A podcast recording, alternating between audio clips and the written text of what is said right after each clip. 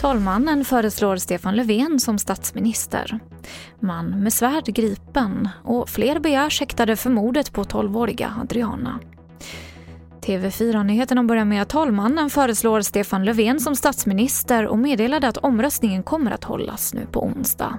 Ja, jag har då accepterat att eh, bli nominerad till statsminister för en regering med Socialdemokraterna och Miljöpartiet de gröna. Och naturligtvis har jag då, när jag väl har sagt det, den största respekt för eh, att det är riksdagen som fattar beslut på onsdag.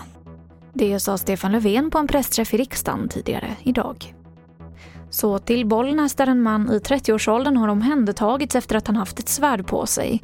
Polisen ryckte ut till platsen vid halv två-tiden nu i eftermiddags efter att allmänheten larmat om att en man låg utslagen på en parkbänk. Polisen har gjort en anmälan om grovt brott mot knivlagen och även narkotikabrott och svärdet har tagits i beslag.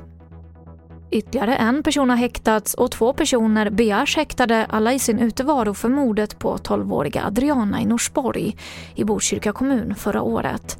En av de tre männen häktades i slutet på förra veckan och de två andra kommer att begäras häktade idag enligt åklagare Anna Svedin.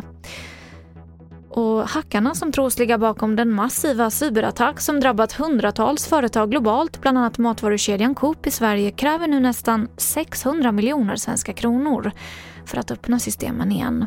Men IT-säkerhetsexperter uppmanar de drabbade företagen att inte betala några pengar till utpressarna globalt perspektiv och ur ett samhällsperspektiv tycker jag är otroligt viktigt att man inte betalar. Och det man måste förstå är att det här är utpressningsverksamhet och när man betalar så skapar man ju en massa kraft hos den här maffian. Då är det framgångsrikt, då kommer de ju utpressa mer butiker och hårdare.